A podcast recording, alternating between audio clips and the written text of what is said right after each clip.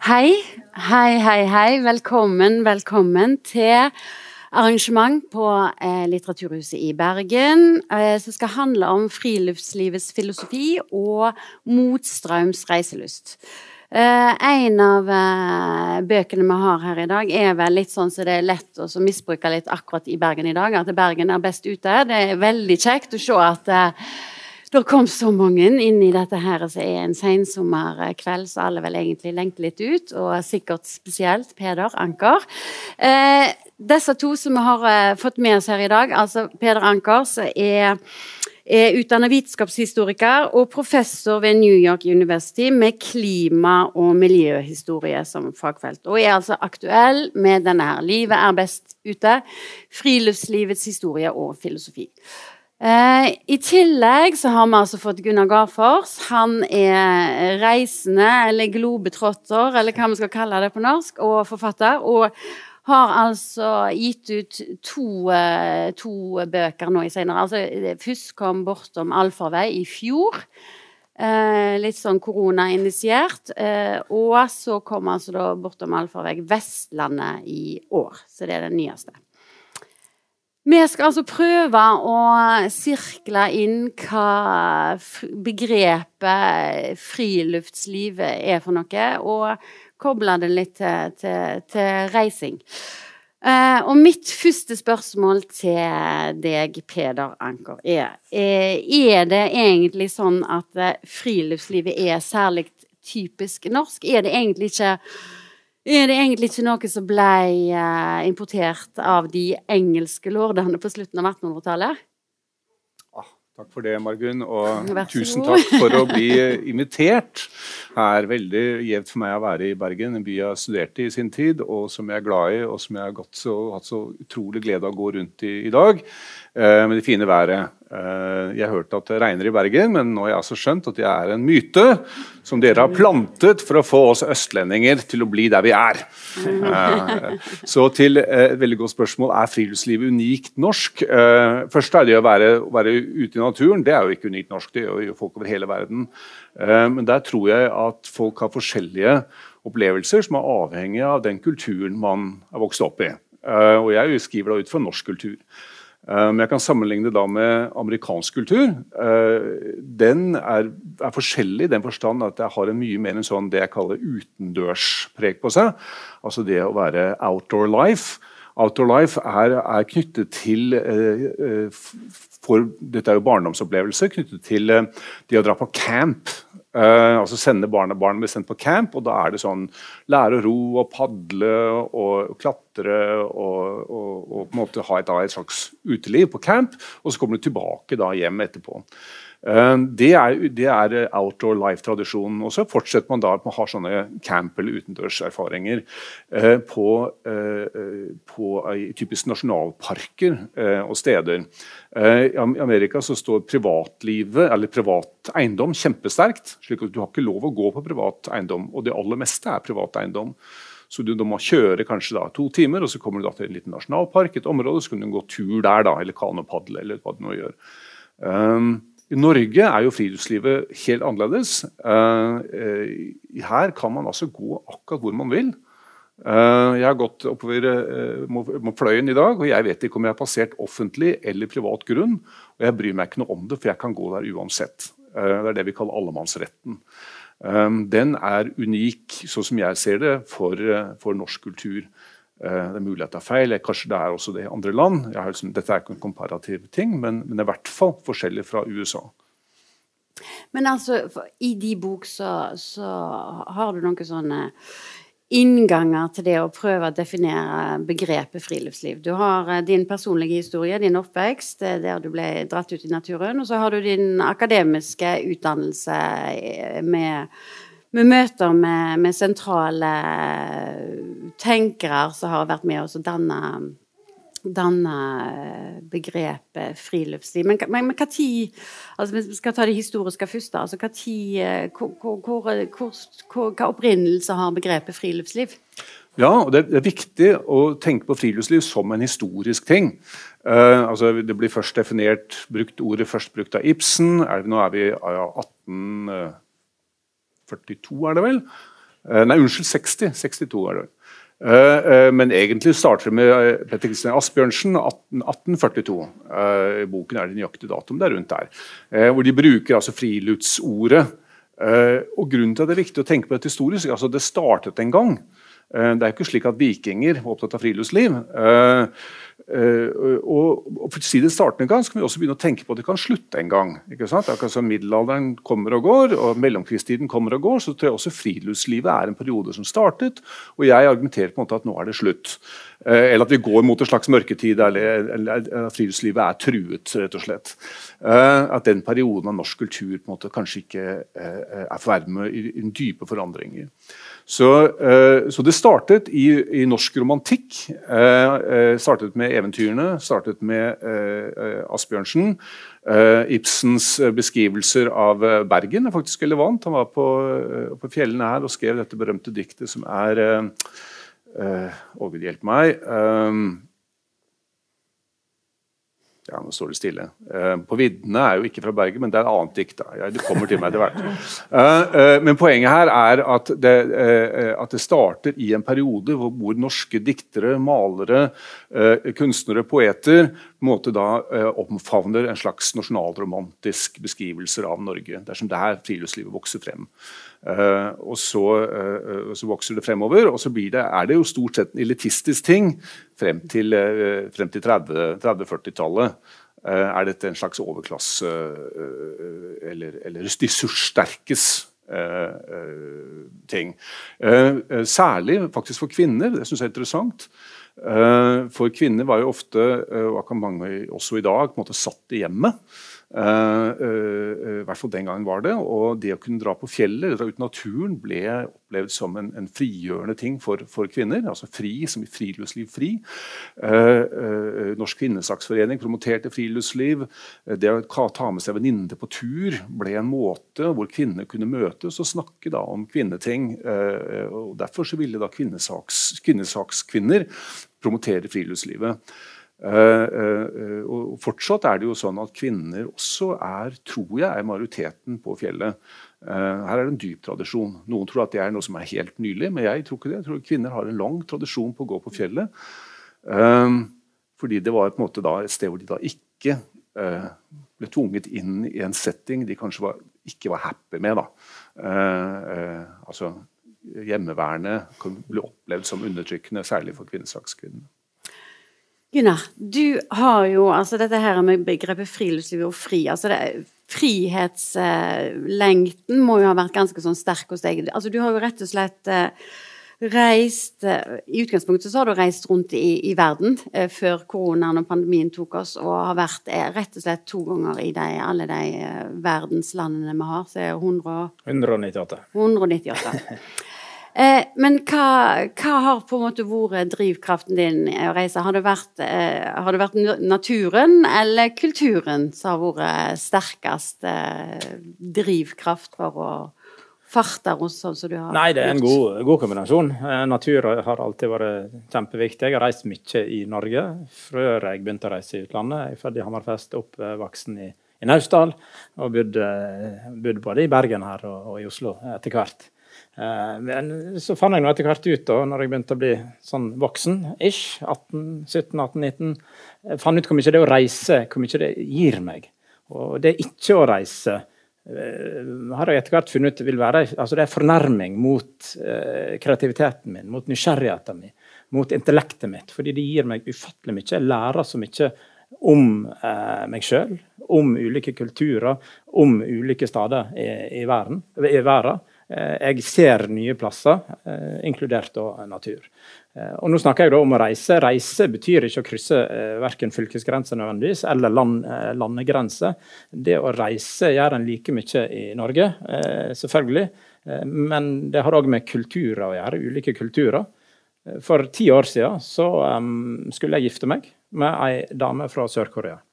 Det gikk av ulike grunner eh, åt skogen, eh, uten at jeg skal gå inn på det i detalj. Eh, men jeg fikk ufattelig mange advarsler, advarsler om at nei, men er du galen? Tenk på kulturen. altså mm. Kommer fra en helt annen kultur, du kan ikke finne på det.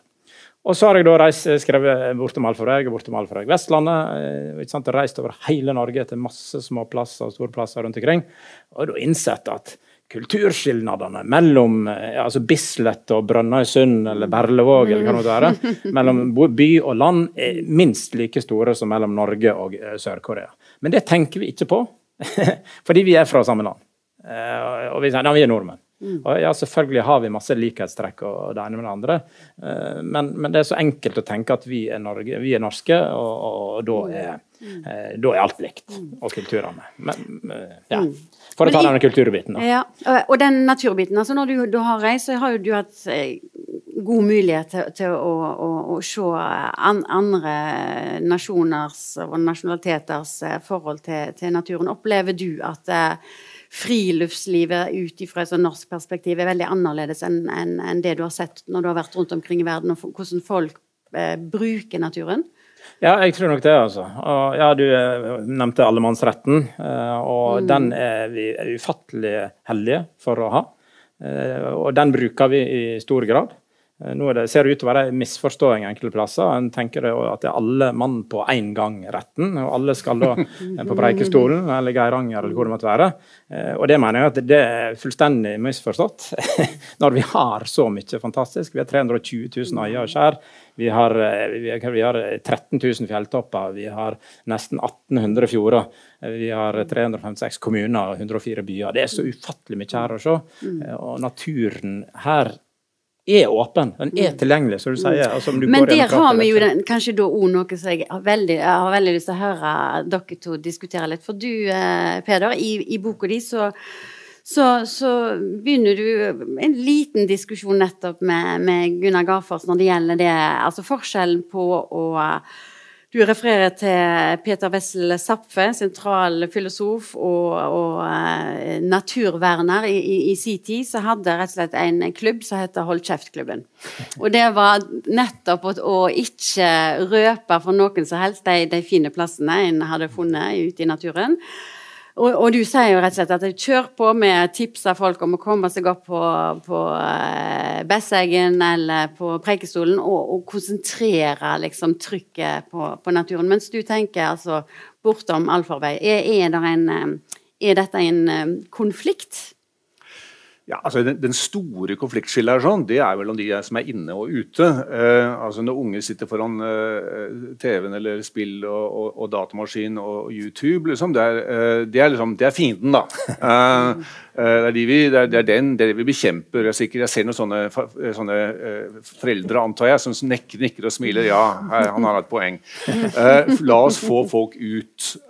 det er liksom hovedgreia. Og så spørsmål da Uh, uh, og Jeg syns dine bøker er kjempefine og, og, liker dem og har lest dem med glede.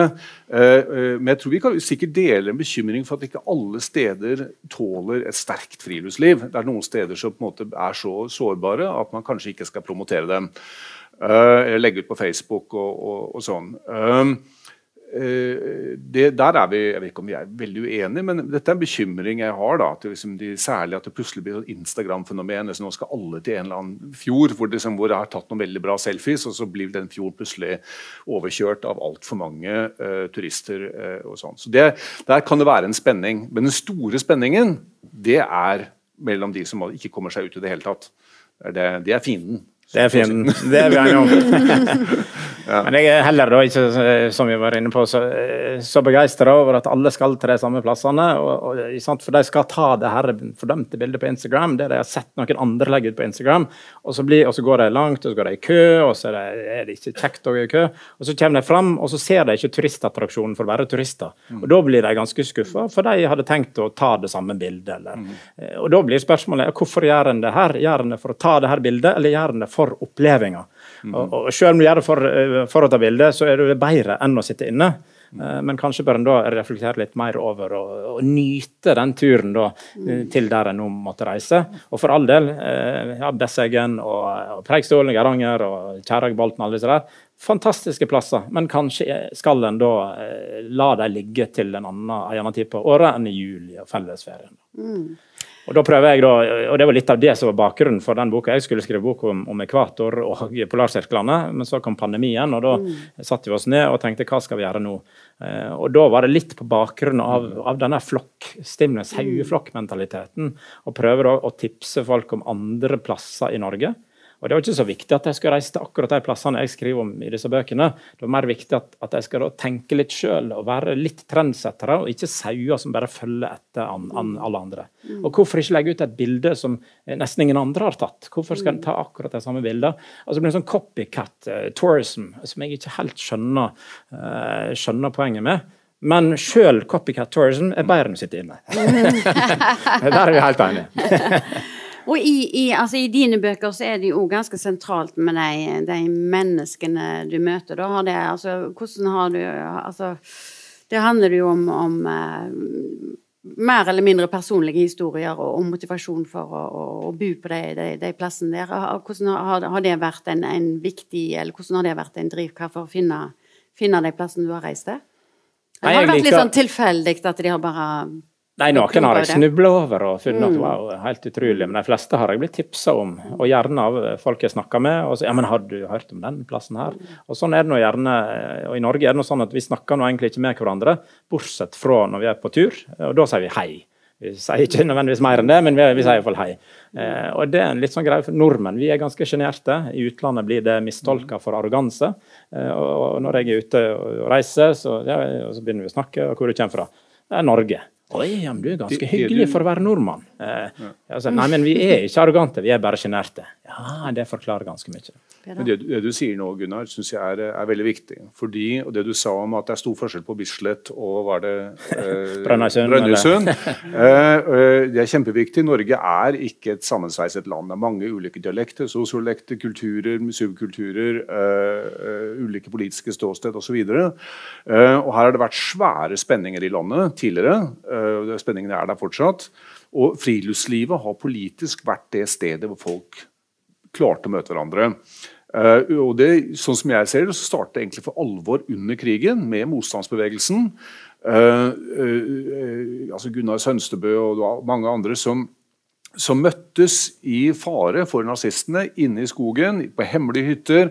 Der var det eh, kommunister og borgerlige advokater og sosialister og eh, eh, bønder og unge og gamle møttes på steder og satt og pratet sammen kanskje hele natten mens de ventet på en forsyning skulle komme. For der de blir frie mot nazismen, ikke sant, et friluftsliv. Det er kjempeviktig. For etter krigen så sier Gerhardsen Uh, wow, dette må vi bygge på. Landet var jo da splittet og hadde vært i en forferdelig krig. Og så sier Gerhardsen friluftslivet er måten vi kan samle nasjonen sammen på igjen i et sosialdemokrati. Og Han promoterer det. Han går med tur, han har hytte, han av, blir tatt masse bilder av i fjellet.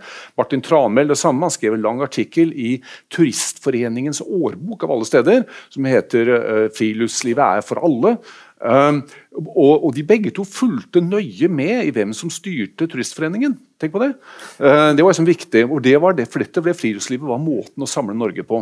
Uh, integrere de ulike kulturene i Norge. Og Sånn er det jo også på en eller annen måte i dag. ikke sant? Vi strever med integrering av innvandrere.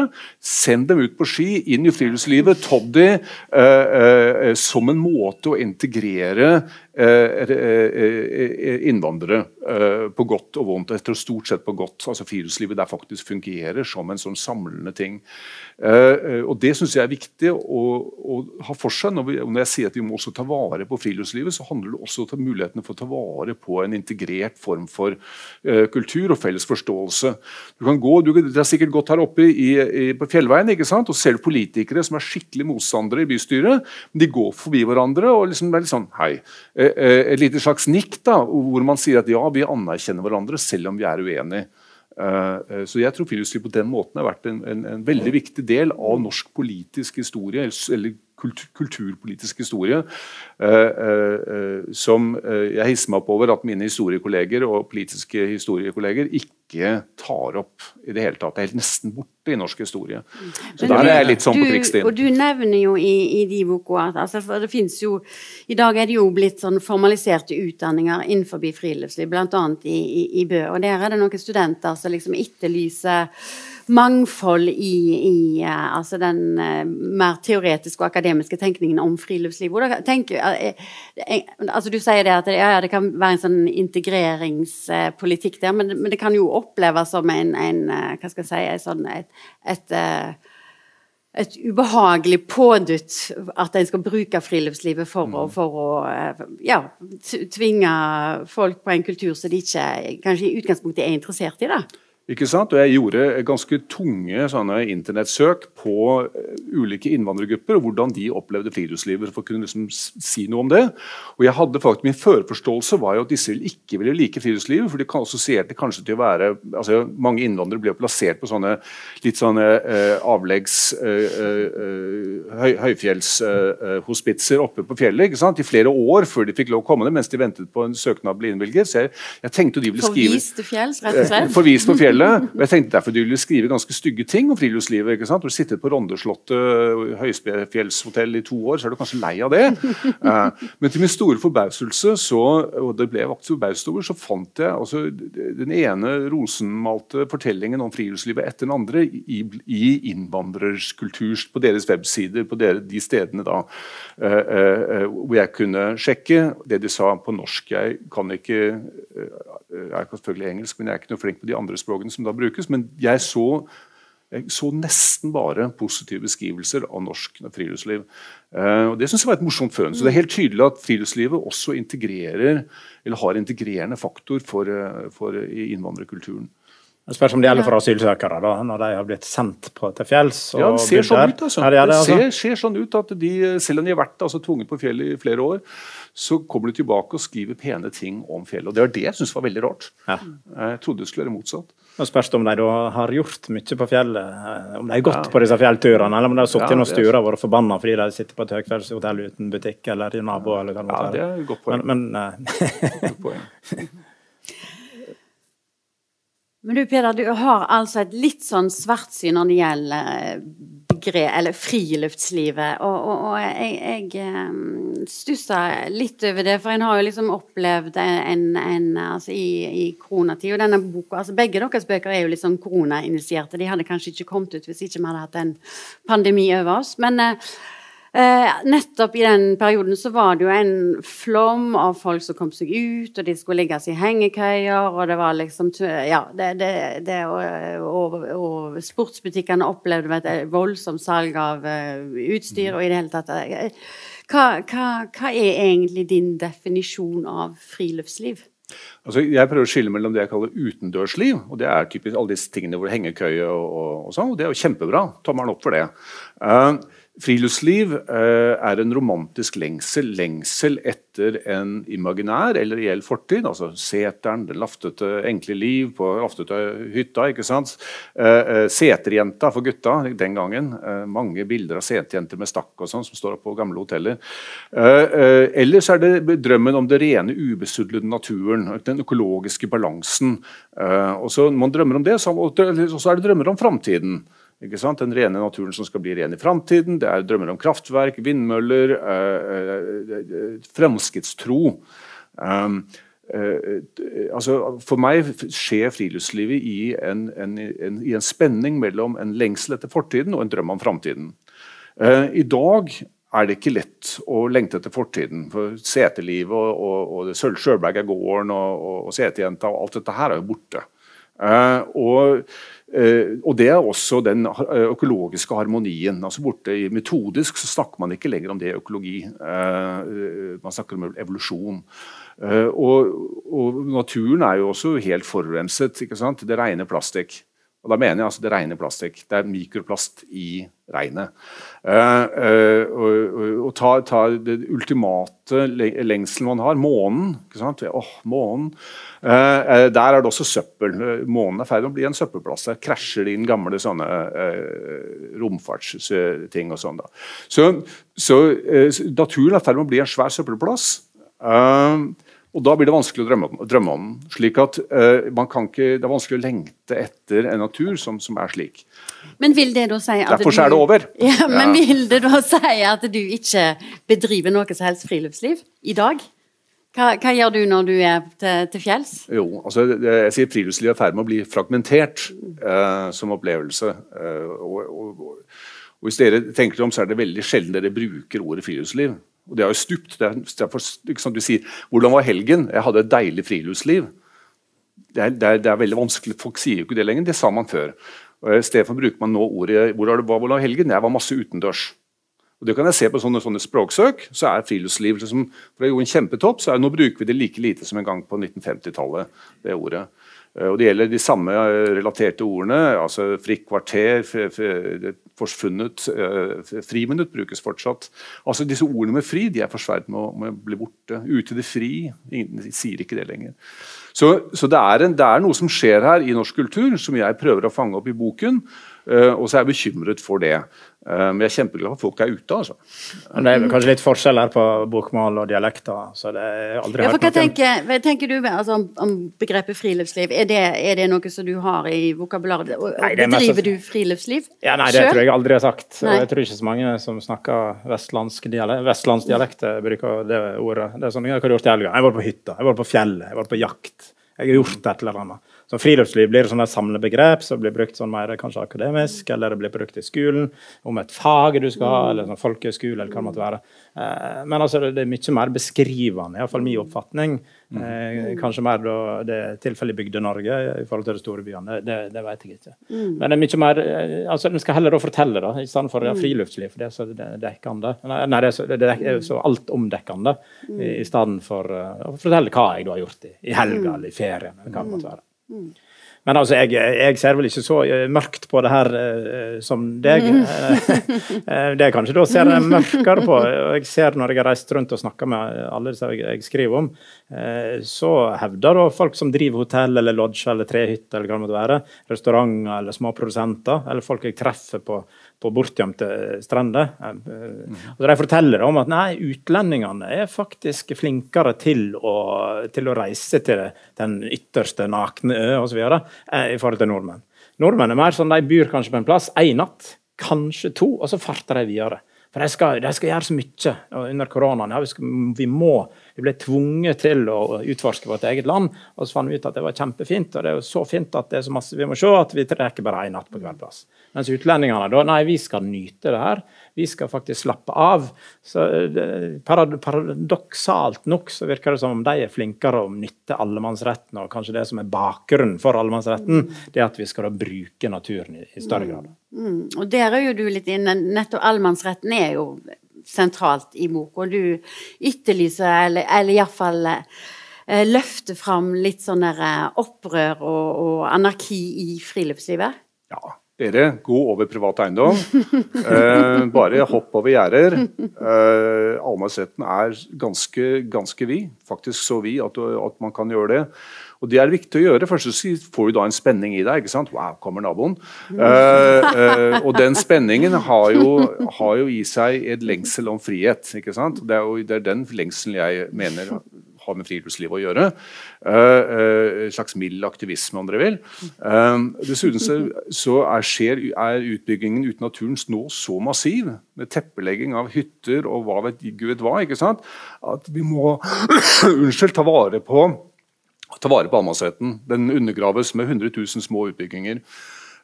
Så, så, der er jeg litt aktivistisk. Oppfordrer folk til å, til å bruke den og bare være seg bevisste. og Ta bort en står privat skilt og sånn, så ta det bort. Men der er det litt sånn, Hvis vi da eh, reiser til de her faste plassene som alle skal reise til, ja. da undergraver vi egentlig allemannsretten. For da, da, er det mye enklere å stenge ned alle plasser som folk ikke besøker.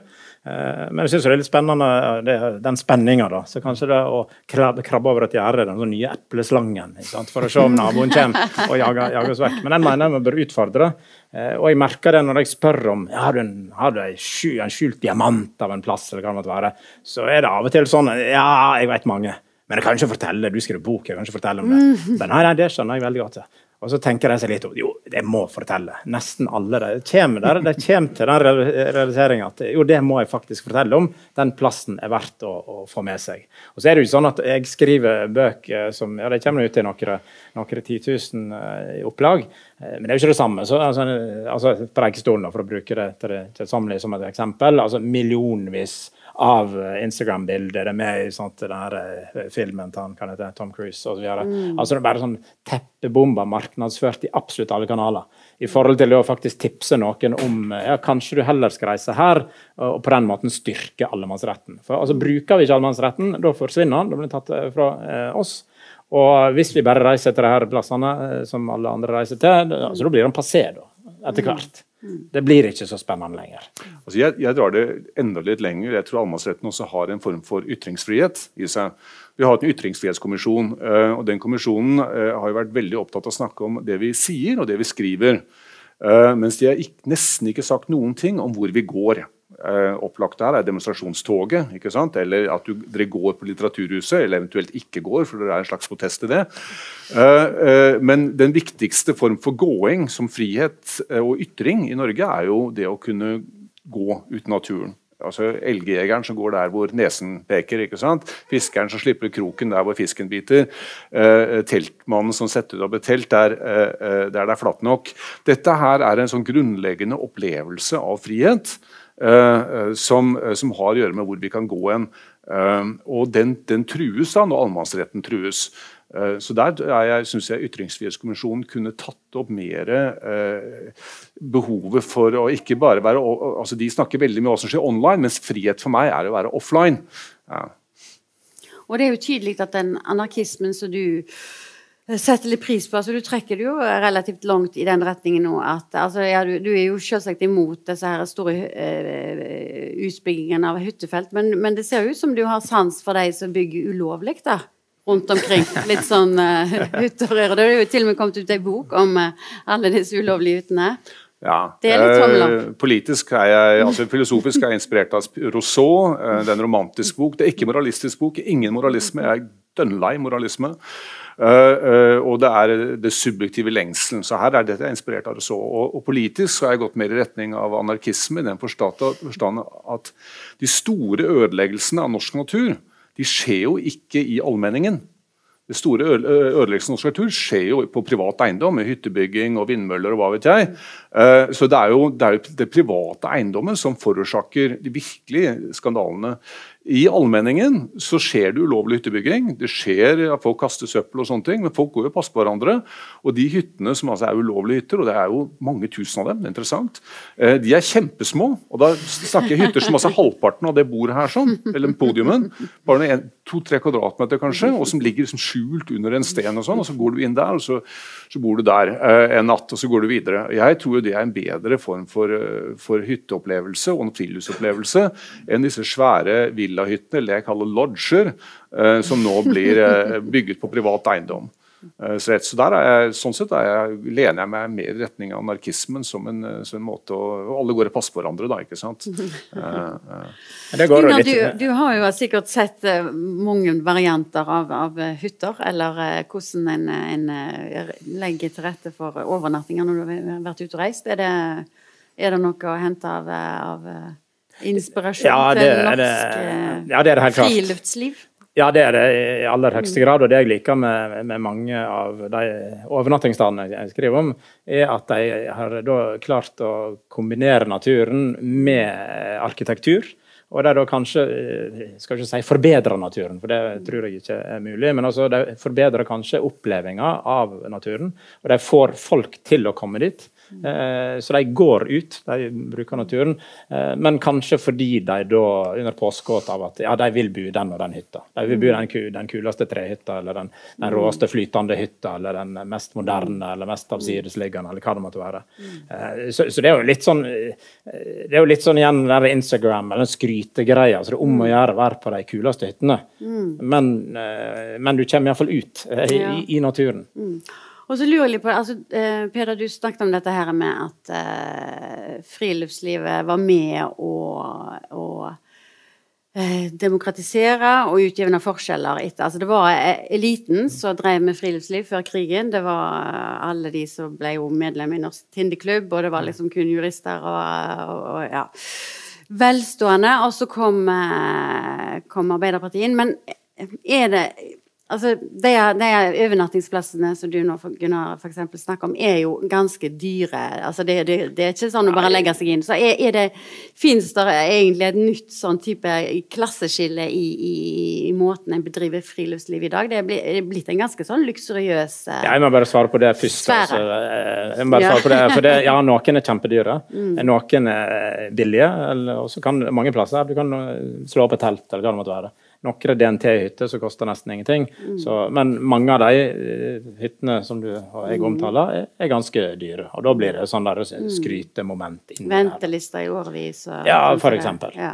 Mm. Nå avbrøt jeg ditt svar. Nei, men jeg, jeg, er enig. Altså, det er jo ikke noe problem å ha en fantastisk tur i, uten naturen på et relativt lite budsjett.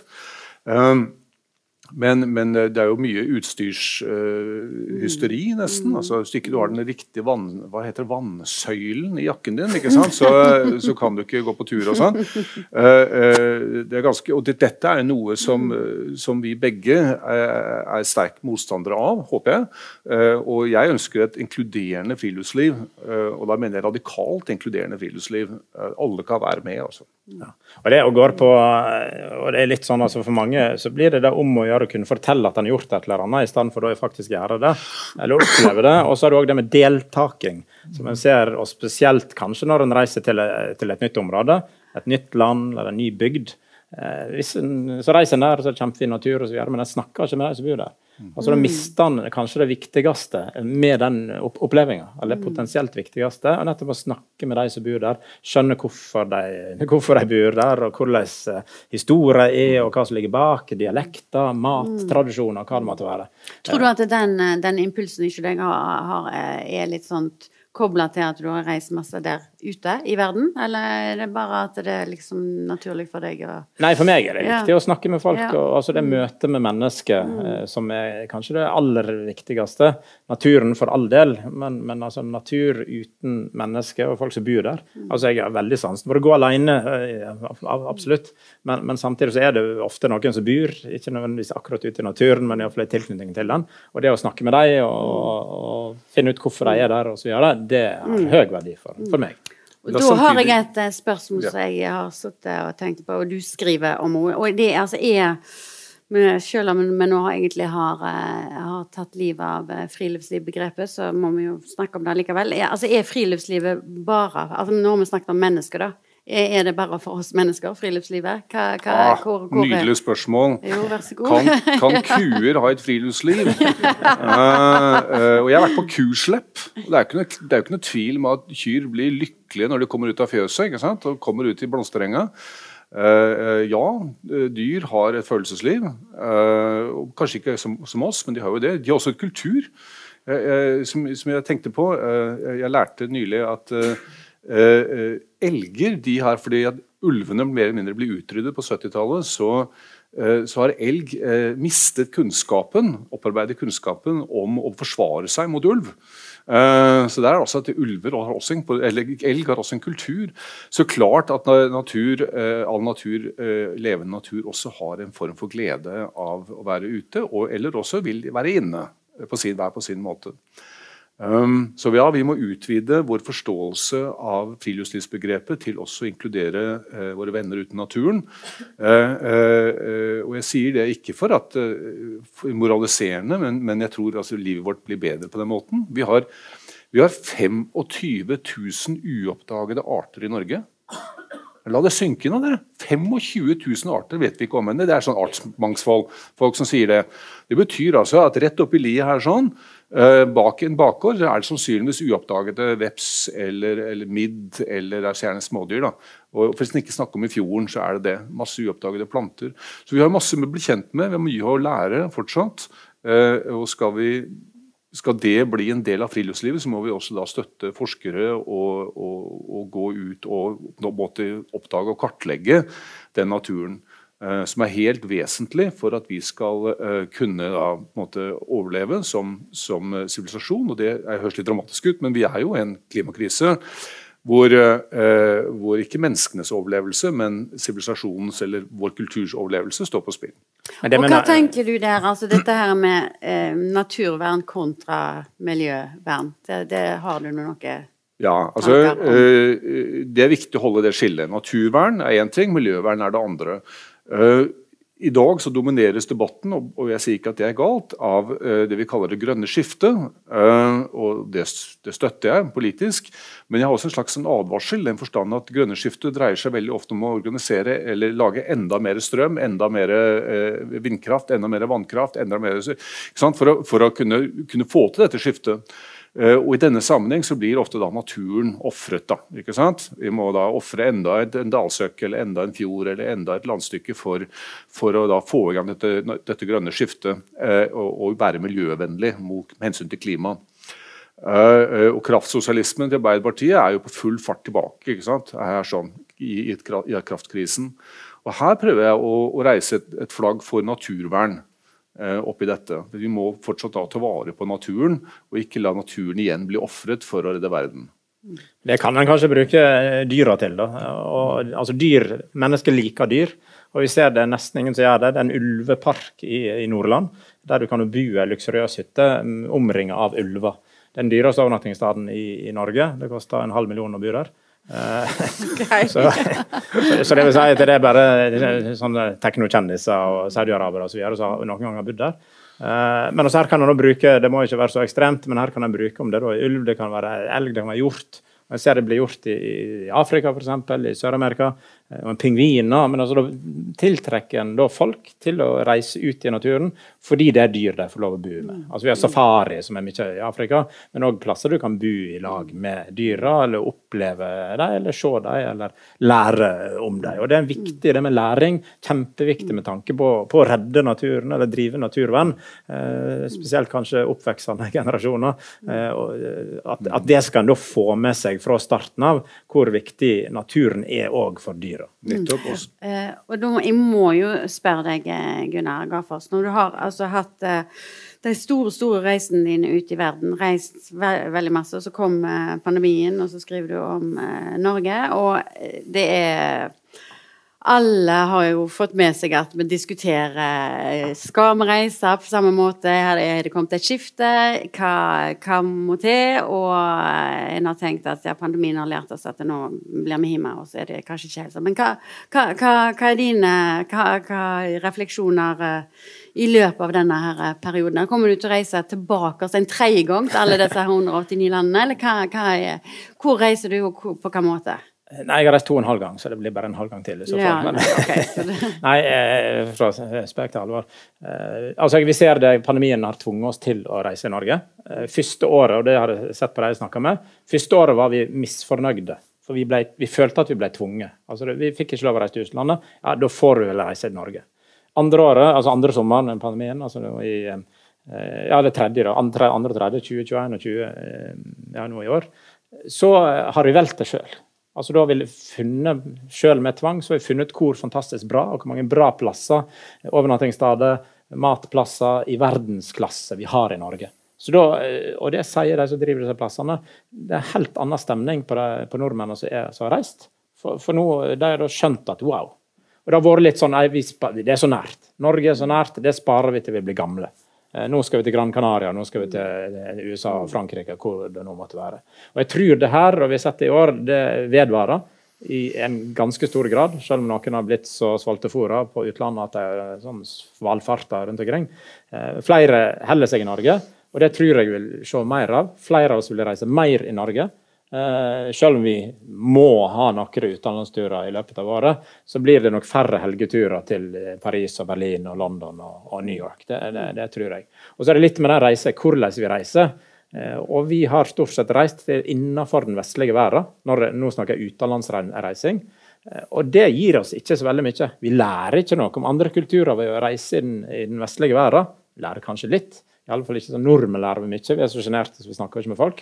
Men hvis vi da reiser utenfor denne vestlige verden, og da, til Afrika, til Sør-Amerika, til Stillehavet, store deler av Asia, Eh, da bygger vi bruer, vi oppretter vennskap. Vi lærer veldig mye om andre måter å leve på. Og da, først da kan vi, vi si at det med å reise har da en virkelig verdi eh, i forhold til og klimamessig. Men Du har jo nettopp sagt at eh, kulturen mellom Bislett og Brønnøysund er såpass. Ja da, jo da, altså, vi, den, vi, var kanskje ja. mer enn nok med å reise til Brønnøysund, for all del. men, men, eh, men, det, men, men det, er tross alt òg vestlig, innenfor den vestlige verden, innenfor den vestlige bobla. Reiser vi utenfor den, så får vi helt andre utfordringer og problemer.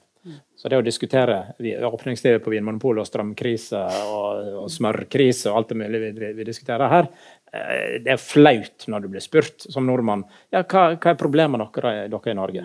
Da må en bare Neste spørsmål, takk. For det, det, er så banalt at det kan vi ikke diskutere. Peder, ja. som filosof og som bosatt i uh, New York, hva tenker du om, uh, om hvor skal en reise, på hva måte? Ja, altså jeg eh, det, er, det, er, to ting for meg som ser som har spilt litt for litt. ikke sant? Det ene er at vi skal, Hvis vi lærer det rette, så gjør vi det rette. Det er en gammel platonsk idé om at liksom, hvis du liksom bare får kunnskapen, så kommer du til å gjøre det rette. Og nå, Vi vet jo nå at vi lever i en forferdelig miljøkrise, og likevel så gjør vi det ikke det rette. Så på en måte dette, dette kunnskapsbaserte uh, ideen om at vi skal forandre oss, det ser ikke ut til å fungere. Og Det andre som heller ikke ser ut til å fungere, det er etikk. Hvis jeg sier til deg nå er du uetisk, eh, sånn, så, og miljøskam og skamme folk, og liksom, fy deg, det ser heller ikke ut til å hjelpe. Uh, så, så, denne boken så, uh, For det er jo mange etikere altså, som løper rundt, og, og, og det er flere i salen, uh, gode venner av meg, som sier at slik og slik og slik. Og, og, Selv har jeg vært og er kanskje etiker et eller annet dyp, dypest inne, men denne boken så har jeg prøvd å ta en ny vri og, og si at denne boken skal ikke handle om miljøskam og slike ting. Denne boken skal, denne boken skal skrive et emosjonelt språk Eh, språk full av lengsel, emosjoner der vi bruker eh, uten å, Nå, nå drømmer jeg litt, selvfølgelig, men jeg bruker altså ordet kjærlighet og sånn. Uh, for, for, å, få til, til en emosjonell lengsel mot naturen og mot naturvern. Så se om, se om, det fungerer, da. Om det kan mobilisere på en, på en, annen måte enn det vi er vant til i Norge. For norsk, norsk miljødebatt er jo Eh, eh, svært etisk liksom, i måten det er på. Det er mange pekefingre som går rundt. Uh, og det bekymrer meg litt. Og så er dette med miljøskam og, reise også På slutten av 90-tallet kom det en kampanje fra British Petroleum som snakket om at alle måtte ta vare på sin karbon, carbon footprint, altså karbonfotavtrykket ditt, med hensyn til klima. Uh, og Det tenker jeg var da, da, det de gjorde da, var å overføre ansvaret for eh, miljøpåvirkning fra, det, fra, det, fra, de store eh, internasjonale konsernene og den politiske sfæren på den individuelle sfæren. Uh, og de var kjempevellykket på Cannes. En av de mest vellykkede kampanjene fra British Petroleum var jo den. Uh, da slapp de å ta ansvar. De kjørte ansvaret ovenpå forbrukeren. Eh, jeg er for at vi skal kjøre ansvaret tilbake på bedriftene og tilbake i den politiske sfæren. slik at Hvis vi skal reise mindre med fly, eller hva det nå er, så må dette reguleres politisk. Eh, eh, det er veien å gå. Så kjøre opp eventuelt da flyprisene. slik at det blir fire-fem, kanskje ti ganger så dyrt å fly. Da, så blir, det, så blir det begrenset på den måten. eller kjøre bilen bensin, eller hva det er. Hva det nå er. Um, den veien tror jeg det er veien å gå. Jeg, ikke, jeg, orker ikke mer moralisme. Jeg, det orker sikkert ikke dere heller. Jeg ser på sånne lettelsesblikk i salen. Åh, endelig slipper vi den bok som er fri for moralisme. Hva tenker du om dette, Gunnar? Det... Nei, jeg, får, eh, jeg, jeg, opplever mye flyskam retta mot meg, og det lever jeg helt fint med. Men, men det er òg en sånn eh, jeg, jeg, har ikke tro på skam, og det har aldri funka i en verdenshistorie. Men det er så veldig enkelt å peke, peke på noen andre og si det er din feil. Eh, det er du eh, som har ødelagt verden, det er din feil at klimaet går til helvete. Eh, men det er at, men ikke min feil, så jeg trenger ikke gjøre noe. Det, det, det er deg. Men la oss si at vi i morgen så forbyr vi all flyging i hele verden. Da reduserer vi utslippene med 2,5% og vi, millionvis av arbeidsplasser vil gå tapt. Men, men glem det, 2,5% reduserer vi da. Men, så jeg er ikke helt med på den å bare skubbe over på, på, bedrifter og politikere. Vi må ta tak her sjøl. Så la oss si at vi da, i stedet for å kutte all flyging, sånn som de som peker med flyskam mener, så kutter vi flyginga med ja, 15-20% Vi gjør det samme med biltrafikken, vi gjør det samme med sement og stålproduksjon, som er verstinga. Vi kutter militærutgiftene og utslippene med 15-20 Da har vi kutta utslippene over hele verden med 15-20 hvis vi kutter alle bransjer. Eh, det gjør vi ikke hvis vi bare kutter én. Og Det er det som er så, så dumt med sånne skamting, skamkampanjer, mm. er at eh, det hjelper ikke. Vi må tenke helhetlig. Eh, og det blir en sånn sovepute å peke på alle andre og ikke gjøre noe sjøl. Jeg tror jeg skal ta et siste spørsmål til, til, deg, Peder. Så har vi faktisk tenkt å åpne opp for spørsmål fra salen. Jeg regner med at det er mange eh, som sitter der og tripper og venter. Eh, men altså, i, eh, i, Helt i slutten av, av boka di så har du da altså en sånn type alternative fremtidsscenario. Du har et pessimistisk, et realistisk og et romantisk. Og det er det romantiske du avslutter med. Er du egentlig altså fremdeles en eh, romantiker og klarer å bevare den romantiske lengten til naturen? Og det er rett og slett egentlig for så vidt et bevis på at eh, friluftslivet lever? Ja, altså, ja. Svaret, kort svaret ja. Det lange svaret er at uh, nå har jeg skrevet dette er min femte bok, og, de andre bøkene har vært veldig uh, innenfor en sånn mer rasjonalistisk tradisjon. Og tenkte jeg Nå skal jeg prøve å skrive en naturromantisk bok og se hvor, uh, hvor tar det meg. Det, alle bøker er et slags eksperiment, vil jeg uh, og inspirert av fransk, den franske filosofiske tradisjonen. Uh, den er det jo ikke mange i Norge som skriver, så det, sånn sett er det interessant. Uh, Norge er jo et land preget av uh, litt sånn streng, streng eh, kantianisme, holdt jeg på å si. Altså, det, en annen, det, var, det, har vært, det har vært en morsom intervensjon. Og også være det subjektive uh, som en, å bekjenne uh, som måte å skrive på. Uh, ikke sant? En, en kilde til inspirasjon har vært Augustins bekjennelser, Rousseaus bekjennelser, å skrive denne, denne tradisjonen. og så ender jeg da med en, en roman politisk eh, visjon, den slags at den, vår eneste grad, eneste grad vi skal klare å komme oss ut eh, på en god måte, er å omfavne naturen med, med omsorg og, og omtanke. Eh, og, og, så våger jeg da å bruke kjærlighet, da. Eh, selv om det man ikke skal gjøre det i offentlig debatt i Norge. Så det er jo litt sånn. Og så tenker jeg på hva er, hva er framtiden for friluftslivet? Hvordan kan vi, hvordan kan vi liksom leve med friluftslivet i framtiden? Og da må vi ha denne, vi må lengte etter denne vakre fortiden, og vi må drømme om en bedre framtid. Og hva er da bedre enn å, eh, enn å plukke søppel? Det er jo et eksempel. ikke sant? Når jeg plukker opp noe søppel, så, så sier jeg nei, sånn skal det jo ikke være. Hør her er det søppel på stien. Og Da tenker jeg at, da drømmer jeg om en, en bedre natur som var der før. ikke sant? Før søppelet kom der. Så tar jeg bort søppelet, og så ser jeg naturen blitt bedre. og Da tror jeg på en bedre framtid. Det er et veldig lite eksempel, eh, men, men eh, vi kan overføre det på mange eksempler. ikke sant? Jeg plukker østers, og stillehavsøsters, da, eller vi kan plukke russelaks, vi kan plukke plastikk i skjærgården. Uh, og Det er på en måte i denne, denne, muligheten til å rydde opp så å si, så godt vi kan, selv om det er en umulighet. Uh, ingen tror på at vi klarer aldri noen gang gjøre det rent igjen. Uh, men der ligger det en mulighet til å fornye friluftslivet. det er jo I sommer så er det, og i fjor sommer så var det jo folk som brukte hele sommeren på å plukke lakseelver for, fri for russelaks. Tenker jeg, ok, Det er en ny form for friluftsliv, kanskje istedenfor det å fiske. Ikke sant? Uh, uh, eller jeg så at det var det Bodø dykkerklubb som brukte hele sommeren sin på å plukke salt, saltstrømmen fri for fiskekroker av bly som forurenser. en ny form for dykkeropplevelse.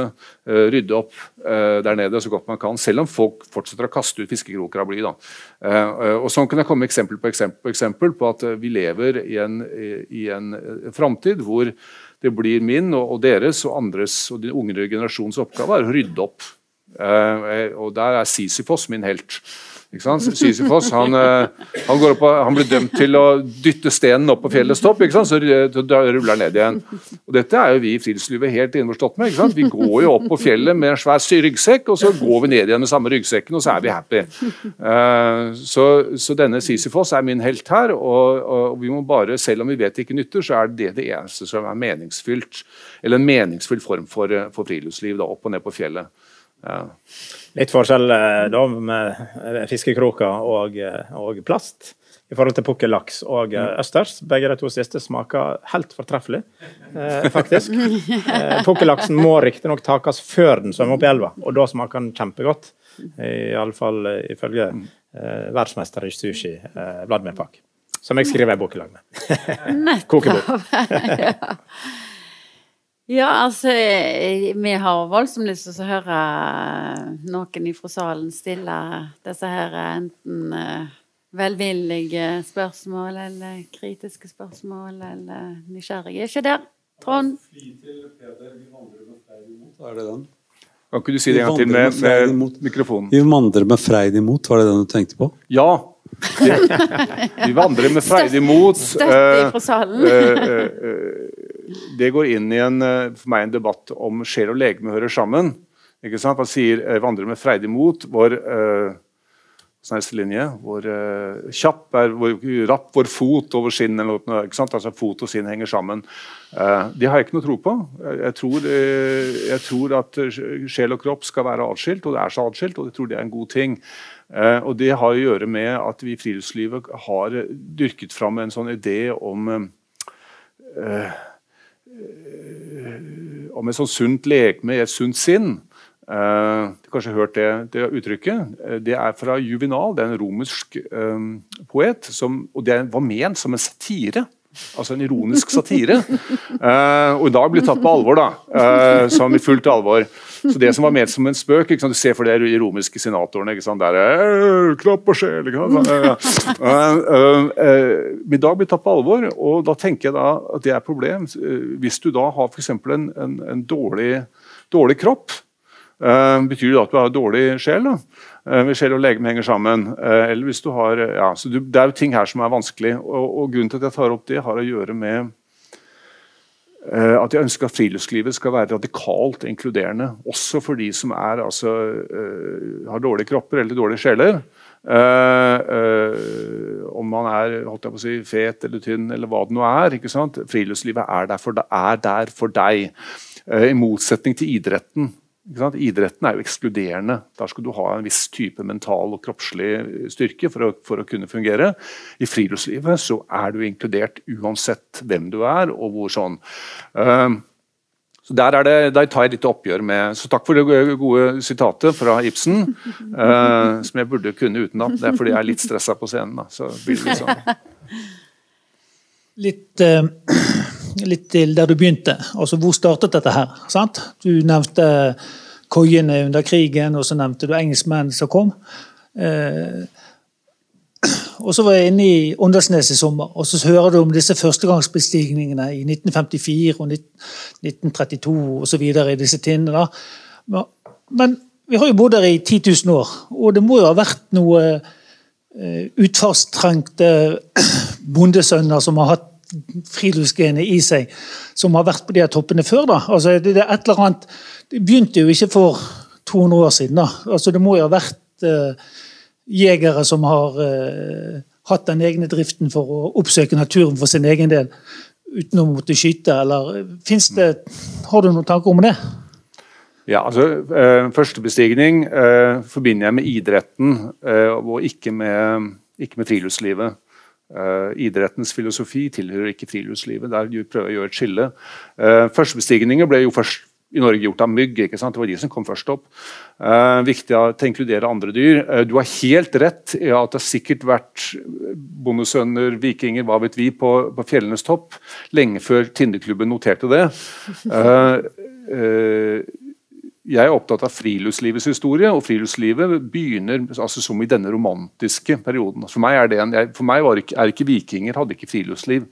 De kan ha vært på toppen av fjellet for å se sperret utsikt eller båter, eller hatt en funksjonell oppgave ved å være der oppe. Ikke som en drift for å bare overskride et eller annet, eller Ja, det er mulig, men det så har vi i så fall lite Jeg har lest min Snorre, det er lite av det der, altså. Eh, det er selvfølgelig mulig. Jeg er åpen for det. Eh, hva har du å si om, liksom, eh, om schizofrenien i norsk kultur når det gjelder forhold til, til friluftslivet? Altså, som kanskje er mer synlig nå enn noen gang. Altså, vi er en sånn high-tech, oljebasert uh, kultur som, som samtidig ja, er romantisk, da, sånn som du ønsker å være. sant? Og lager, når vi har, når vi har med de fete bankkontoene vi får etter eh, arbeidet som ingeniør eller, eh, eller eh, direktoratsbyråkrater for å forvalte oljenæringen, så, så bygger vi oss søte små hytter. Og så, og så, på fritiden så later vi som vi er en slags sånn Isak Sellandrå-typer. da. er vi ikke litt sånn? Er det ikke, er det ikke en dyp splittelse i nordmanns sjel når det gjelder naturen? Altså det du ser som en splittelse, uh, og det er et veldig godt poeng, takk skal du ha, ser jeg på som en, uh, altså en lengsel etter fortiden og en drøm om framtiden. Uh, helt typisk hvis du går på Instagram under 'livet er best ute', hashtagget, så vil du se folk går i, i villmarksgenser, eller Marius-genser eller andre gensere. på en måte liksom som lengter tilbake til en slags imaginær fortid på hvordan uh, setelivet var før. da, uh, uh, Eller, eller folk, ting som inspirerte også folkedrakter, som også er inspirert av denne, en forestilt fortid. Samtidig som man har på seg da det de nyeste innen vannavstøtende Gore-Tex teknoutstyr. Så der har du denne liksom, lengselen etter fortiden og drømmen, og, og drømmen om framtiden i det mest avanserte. Eh, hvor, Hva er det siste nå, da? Du, du, soveposen, teltet og liggeunderlaget skal ikke veie mer enn tre kilo. Altså. Gjør du det, så er det liksom ikke bra. Eh, eh, det er helt utrolig. Altså. Helt, så, så, jeg ser jo et, et friluftsliv i det. En, en, en, en, måte å forholde seg til både fortid og framtid på. Um, I det, det konkrete eksempelet du viser. Samtidig jeg jo, har jeg det sånn selv at jeg har jo ingen Jeg syns ikke li, livet ute blir noe bedre med en Gore-Tex-jakke.